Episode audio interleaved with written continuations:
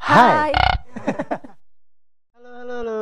Selamat Halo. datang. Selamat datang di Selamat podcast. datang di podcast Fajar, Fajar ini. ini. Yeay. Kali ini barengan kita berdua ya, complete package. Ya berdua kan Fajar dan Rini dong. Mm, Kalau yang episode kemarin kan sempet tuh ada podcast Rini aja. Oh, enggak, itu karena saya lagi kembali ke normal. Oke, kali ini kita mau ngobrol-ngobrol soal apa nih? Hari ini kita mau ngobrol-ngobrol eh, cerita lain yang bisa dikulik dari pandemi alias kita mau ngobrol-ngobrol tentang berkah Berkah pandemi. Pandemi. Oke. Jadi kalau biasanya tuh aku ngelihat di mana di sosial media orang-orang tuh cerita versi-versi sedih-sedihnya gitu kan. Oh, karena pandemi jadinya gini, jadinya gini. oh yang apa Oh, ya. yang Kayak waktu lebaran kemarin deh. ya Sedih banget versi bisa dramatisnya ngumpul, gitu ya. nggak bisa ketemu sama keluarga gitu kan. Mhm. Tapi ternyata mungkin juga orang-orang sudah mulai sadar kali ya bahwa ada hal-hal yang bisa kita ya mungkin bisa kita ambil hikmahnya dari pandemi ini. Mhm. Katakanlah kalau contoh paling sederhananya tuh aku bersyukur karena langit jadi lebih biru saat Ya, pandemi. banyak laporan-laporan yang menyatakan bahwa bumi menyehatkan dirinya sendiri melalui pandemi ini gitu ya. Karena terbukti dengan sedikitnya polusi-polusi udara, cuaca-cuaca yang semakin bersih gitu ya. Iya benar. Terus kalau yang merhatiin hashtag mirror challenge itu di Instagram sih, itu orang-orang lagi pada foto-foto memamerkan langit biru di daerahnya masing-masing. Jadi kayak kita foto selfie ke kaca, tapi pantulan kacanya itu ke langit. Jadi kayak backgroundnya tuh langit biru. Aku ngeliat itu kayak ada rasa, wow, Jadi kayak ala-ala itu ya, ala-ala dia lagi ada di kayangan gitu iya, ya. kayak feels like everyday is holiday gitu. Everyday is holiday. Everyday is holiday. Jadi memang eh, kita tuh selalu bisa lihat sisi lain dari sebuah bencana kali ya.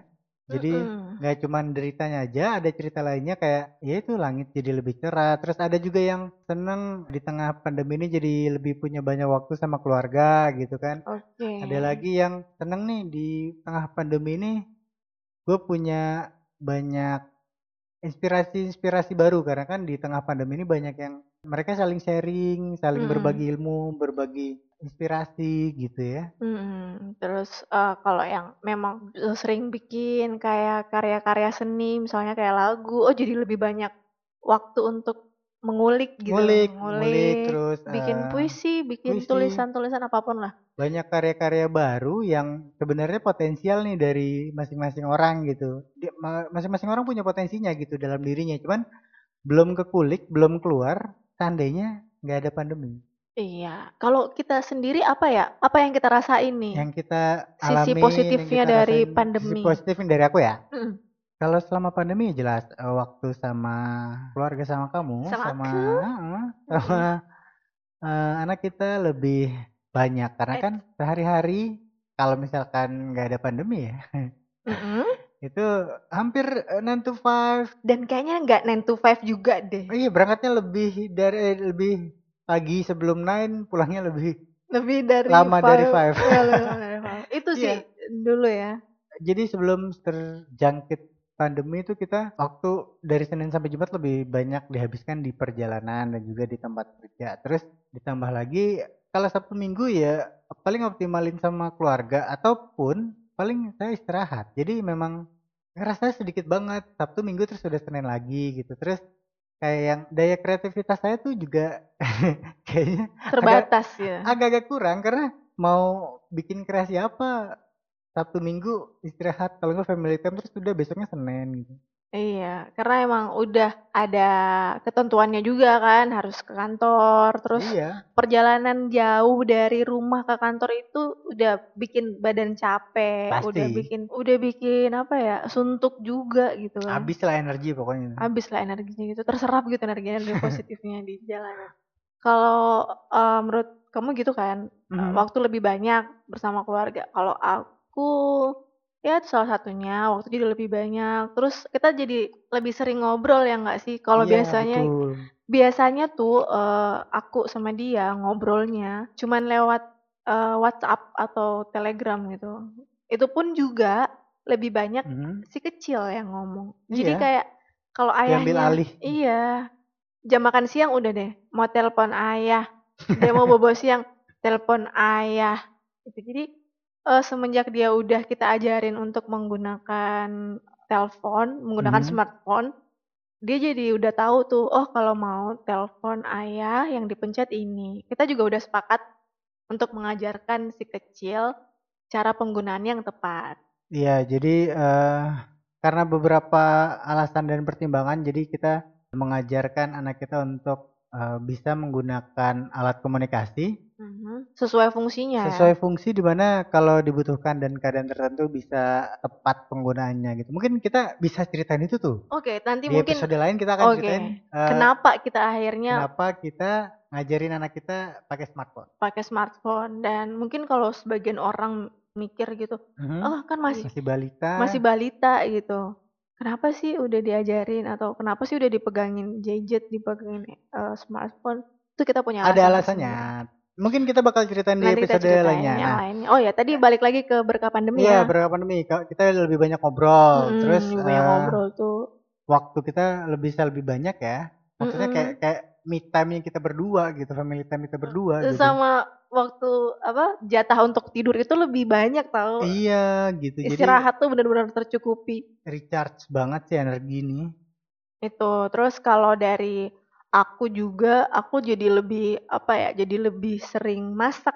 Kalau biasanya pesan makanan, pesan makanan gitu. Apalagi eh, karena mungkin nggak terlalu banyak orang di rumah, jadi Iya, kalau kan masak Lebih lumayan tuh. lebih praktis pesan karena kalau masak ya belum waktunya dipakai buat siapin bahan gitu Siapin kan. bahan, proses dan lain masak. sebagainya memang lebih lebih efektif pesan kalau misalkan orang rumah tuh nggak Lebih dari tiga. iya nggak lebih dari tiga nggak cukup banyak lah Mm-mm. kadang juga kita lebih dari tiga ya cuman memang rata-rata perharinya lebih praktisan pesan gitu Lebih kan praktisan pesen. Tapi ketika akhirnya udah dihitung-hitung lagi juga, ternyata banyak bocor halus kalau tiap hari pesen gitu kan. ini udah ibu-ibu deh Udah obrolan ibu-ibu nih. nggak ikutan deh kalau gitu Jadi akhirnya tuh kemarin karena ngelihat banyak teman-teman juga sih yang mulai masak-masak, bahkan banyak yang buka Mhm. PO makanan gitu kan. eh, handmade yang handmade gitu ya homemade, homemade. oh homemade oh ya Kalau handmade handmade eh, ini kerajinan tangan, Cin. crafting ya Iya, oke crafting.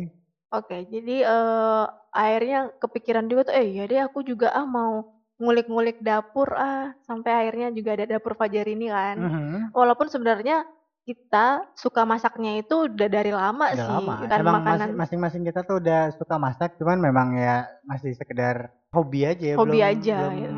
Secara profesional atau tingkat mahir gitu. Mm-mm. Terus eh, waktu anak MPASI juga Hmm, kita nah udah itu tuh seru tuh. ngulik-ngulik masak apa ya, masak apa lagi. Nah, ini Mhm. di saat pandemi kita dapat banyak banget kesempatan untuk nyoba-nyobain resep yang selama ini kita cuman Cuman Eh, dicatat lihat atau cuman atau di bookmark doang gitu. Iya di bookmark doang. Itu sih berkah pandemi kalau bagi aku. Kalau teman-teman juga punya boleh ya. Iya, kalau teman-teman yang dengerin podcast ini eh, ngerasain sisi lain cerita yang bisa dirasakan manfaatnya selama pandemi ini, bisa sharing ke kita. Hmm, siapa tahu menginspirasi kita juga. Bisa Kita mungkin belum sadar, eh ternyata oh iya iya, juga ya, ya gitu. gitu. Karena kadang kayak gitu tuh Mhm. kita udah diberikan berkah, diberikan rezeki yang sedemikian melimpah, tapi Aha. kitanya kayak kurang Abai, bersyukur kurang ya, bersyukur kurang gitu. bersyukur itu. Eh, kalau banyak yang nyebutin eh, sekarang itu kufur nikmat. Oh ya, kufur Kufur nikmat. nikmat. Jadi Itu. Dia kurang bersyukur akan nikmat yang diberikan. Nah. Nah, eh, selain itu aku juga senang banget karena Mhm, selama Kenapa tuh? kan kemarin karantina itu PSBB pembatasan sosial berwilayah berskala besar itu terjadi hampir di semua wilayah di Indonesia khususnya di Jakarta itu terjadi hampir dua bulan full ya hampir dua bulan full terus eh, jalan bulan ketiga itu mulai ada tahapan-tahapannya gitu jadi memang selama dua bulan penuh itu ya dari bangun tidur sampai tidur lagi yang dilihat anak sama istri gitu kan jadi memang Hmm. senang banget karena sebelumnya ya cuman bisa dapetin kayak gitu tuh ya kalau nggak Sabtu Minggu gitu kan Atau tanggal-tanggal merah ya. atau tanggal-tanggal merah gitu atau emang lagi ambil cuti atau libur gitu baru kan uh, Hmm. bisa tuh kayak gitu ketika kita lagi pergi keluar kota atau ke mana gitu nah kemarin selama dua bulan itu dari bangun tidur sampai Sampai mau tidur lagi. sampai mau tidur lagi wah kita main kita seru Ketahuan tuh kan aktivitas anak dari pagi Iya, sampai dari pagi malam gitu. ngapain Jadi, aja. lebih tenang juga lebih sedikit engah juga kayak oh iya ya ngurusin anak itu capek saya juga ngurusin anak kok beneran cuman emang porsinya itu saya sehari-hari itu weekday nggak lebih banyak di rumah gitu jadi saya hanya memantau aja nih hanya remote saja ya kan nah selama self karantin kemarin saya lebih peka saya lebih menyadari kalau misalkan anak saya itu lagi fase Aktif-aktifnya gemes-gemesnya, Gemes-gemesnya. aktif-aktifnya. Jadi di mana dia lagi masa transisi antara penggunaan Diapers, diapers diapers, dengan latihan buang air di toilet. toilet. Ada banyak banget di usianya ini dia bener-bener belajar banyak Mhm. hal, nggak cuman sekedar apa istilahnya potty training ya. Potty training. Tapi dia juga kayak belajar menyampaikan isi hatinya, Isi hati terus dia ngasih tahu kalau nunjukin emosi. eh, ada yang sakit gitu. Jadi memang Mm. sebelumnya saya tahu hal-hal kayak gitu tuh hanya dari laporan-laporan di Rini. Dia ngasih tahu oh, anaknya udah bisa ini, anaknya sakit, anaknya ini, nah ini, ini, nah, nah. Kemarin selama dua bulan bener saya bener-bener eh, ngerekap hasil laporannya. Jadi oh iya bener juga ya, oh iya, oh iya dia langsung bagus. langsung gitu. sidak Lebih awal. ke mm, evaluasi. Oh, evaluasi. Oh iya bener juga ya rapotnya. gitu. Oke.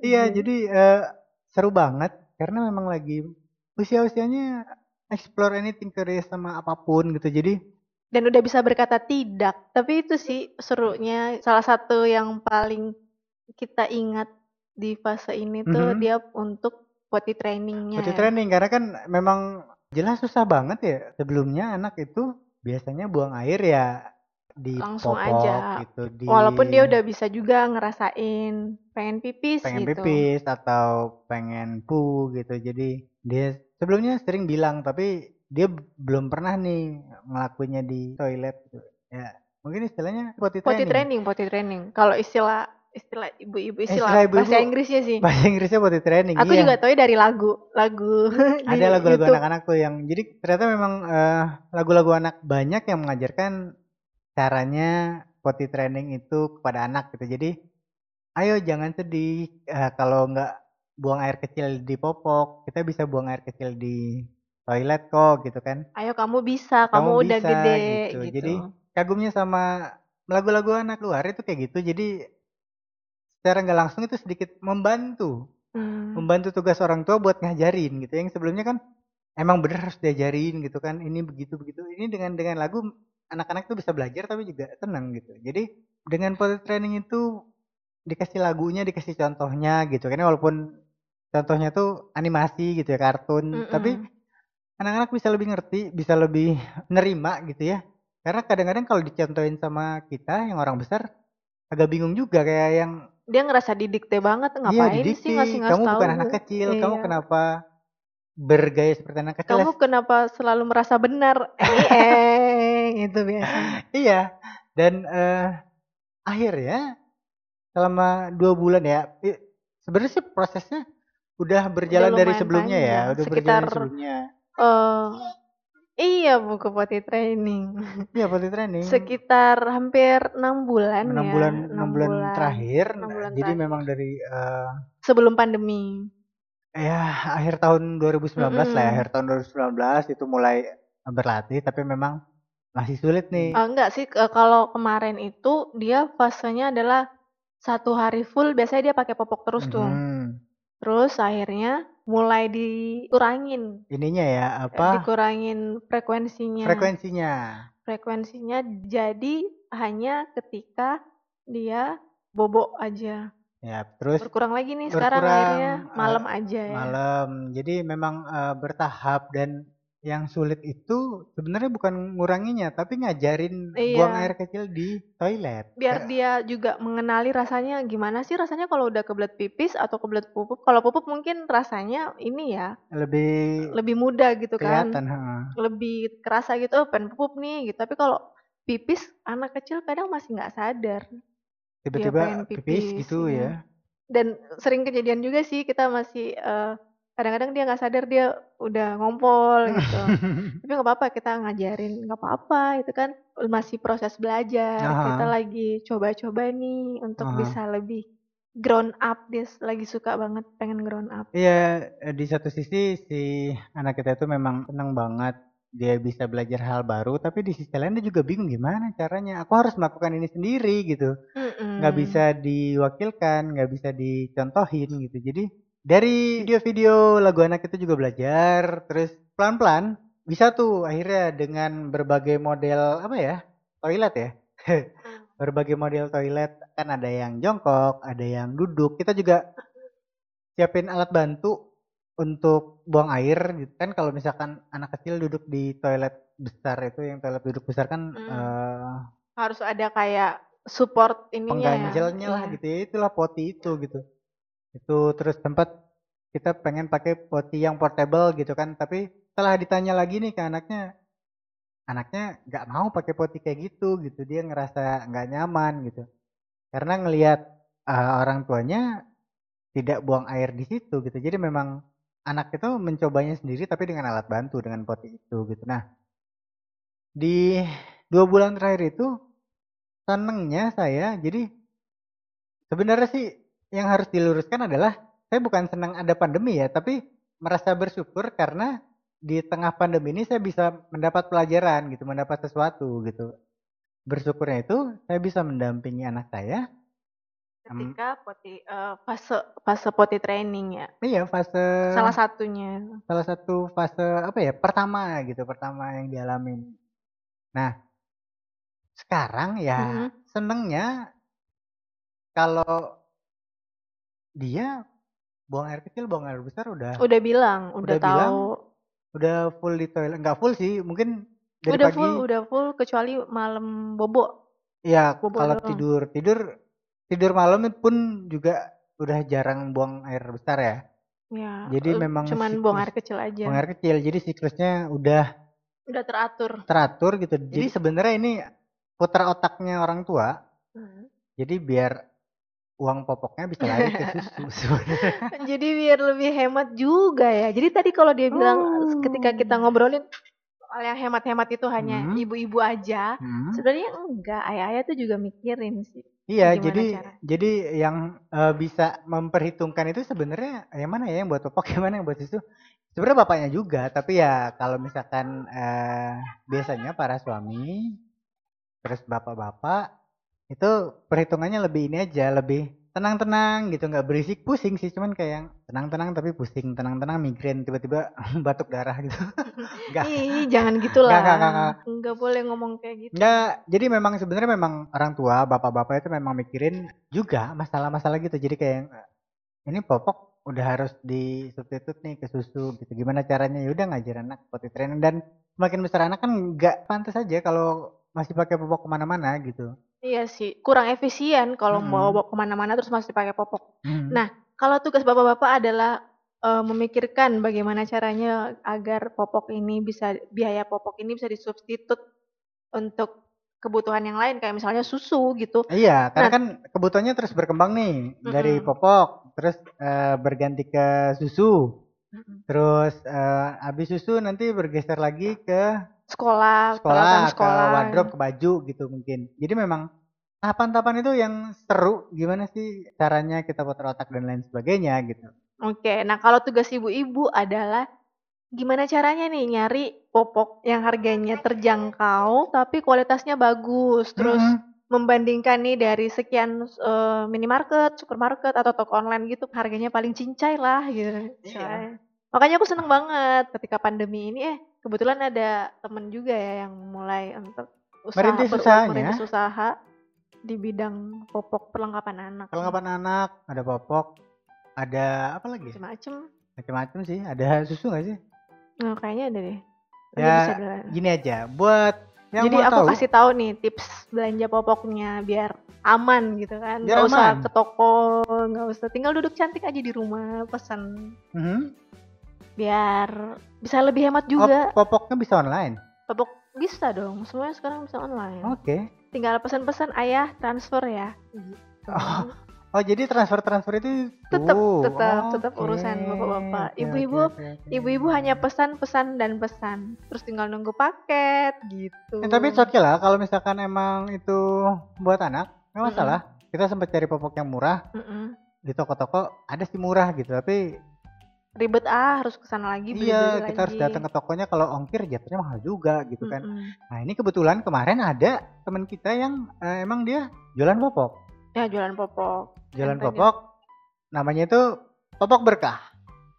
Bisa dicek ke Instagramnya, Instagramnya @popokberkah. Di situ kemarin kita eh, membeli dua jenis popok yang digunain malam gitu ya, dan satu lagi memang kita siapin kalau kita lagi keluar, karena kan kalau keluar nggak pakai popok itu bentar-bentar ah, doang keluar-keluar gitu bentar doang kan. itu kan nggak butuh yang daya serapnya tinggi Iya, banget. gitu. Jadi yang kalau nggak untuk kalau nggak pakai popok ya kasihan nanti dia repot gitu kan Mm-mm. kalau misalkan mau Ke mau ke toilet grocery gitu shopping gitu. nggak nyaman segala macam Nah, nggak tanpa berlama-lama lagi, aku mau ngasih tahu nih tempat aku belanja popok dan ini juga bisa titip langsung jadi ongkirnya nggak terlalu mahal. iya untuk yang di lokasinya berada di sekitaran eh, Cakung Jakarta Timur Bekasi. Baru Bekasi Bekasi Barat mungkin bisa langsung kontak ini karena itu bisa gratis ongkir Selama masih jangkauan. selama masih jangkauan diantar. jadi kalau yang penasaran langsung aja hubungin itu ada cara ordernya silakan lihat.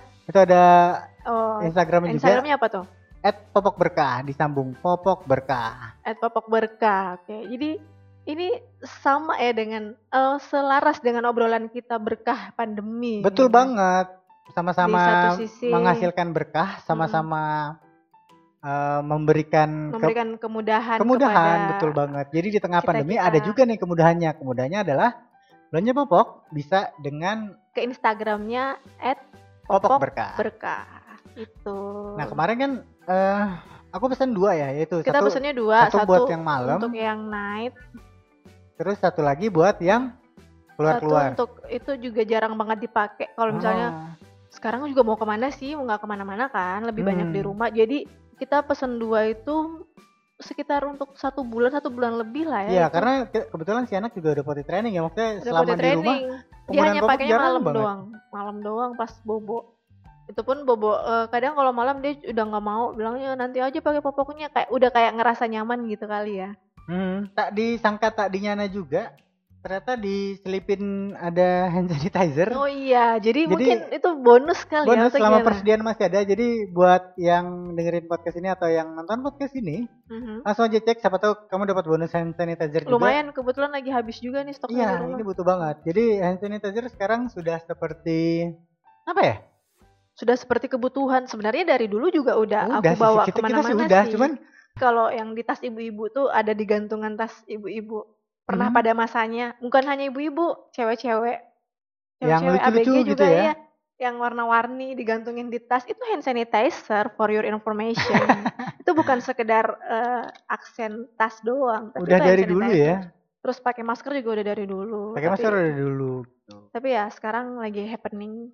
Nah, nih buat kamu yang lagi dengerin podcast ini atau lagi nonton podcast ini yang punya cerita lain apa sih seputar berkah pandemi. Oh, berkah pandemi apa sih yang bisa dirasain manfaatnya selama karantina ini gitu selama Atau mungkin eh, gini kali ya, apa hal-hal yang baru kamu coba ketika karantina di rumah ini? Mhm. Mungkin ada hal-hal baru yang menarik gitu yang kamu belum pernah kepikiran sebelumnya, terus sekarang akhirnya kamu berkesempatan untuk nyoba. Iya, terus kamu ngerasa kamu tuh harus ceritain hal itu gitu. Jadi kadang ada kita tuh belajar sesuatu, kita tahu sesuatu gitu, teman. Karena inspiring banget gitu kan. Yang kira-kira ketika kita share atau mungkin kita ceritain, orang-orang jadi terinspirasi juga untuk ngelakuinnya juga. Atau Iya, eh ternyata aku punya ini di rumah belum pernah aku pakai, ya udah aku pakai juga gitu misalnya. iya, ceritain ke kita. Cari Instagram kita at Fajarini pakai e belakangnya Fajar jangan lupa. Di situ DM kita aja, terus share juga kalau yang dengar podcast ini di sosial media kamu. Mhm. Kalau kamu suka bisa follow, like, Dan eh, jangan lupa juga untuk subscribe di YouTube kita Ya, di cek di YouTube-nya itu selain ada podcastnya juga ada masak-masak kita di sana juga. ada video masak-masak. Terus nanti mungkin kalau insya Allah pandemi udah usai benar-benar musnah gitu, Aha. mungkin akan ada video jalan-jalan mungkin. I hope so. Mungkin kode keras. Aku juga pengen banget itu jalan-jalan kayak yang udah butuh jalan-jalan. banget. Iya, Aduh. oke deh kalau gitu. Oke, terima kasih banyak yang udah dengerin Fajar ini podcast episode kali ini tentang berkah pandemi. Berkah pandemi. Sekali lagi kalau kamu suka dengan podcast ini bisa share, bisa like dan kasih tahu teman-teman kamu untuk ikut dengerin podcast ini atau nonton podcast ini. Dan kalau kamu mau berbagi cerita silakan DM kita di @fajarinie di Instagram langsung Follow juga boleh banget. follow boleh banget. Kalau kalau- fallback juga boleh banget. Iya, bentar. kita open fallback kita. Kita open fallback. Iya bentar lagi sayang. Karena kita juga udah dipanggil oleh si kecil. sama si bos. Si Oke. bos kecil sekarang waktunya kita pamit dari ruang dengar kamu Kita pamit semua. dari ruang dengar dan layar depan kamu sampai ketemu di episode selanjutnya. Terus dengerin Fajar ini podcast ya. Bye-bye. Bye.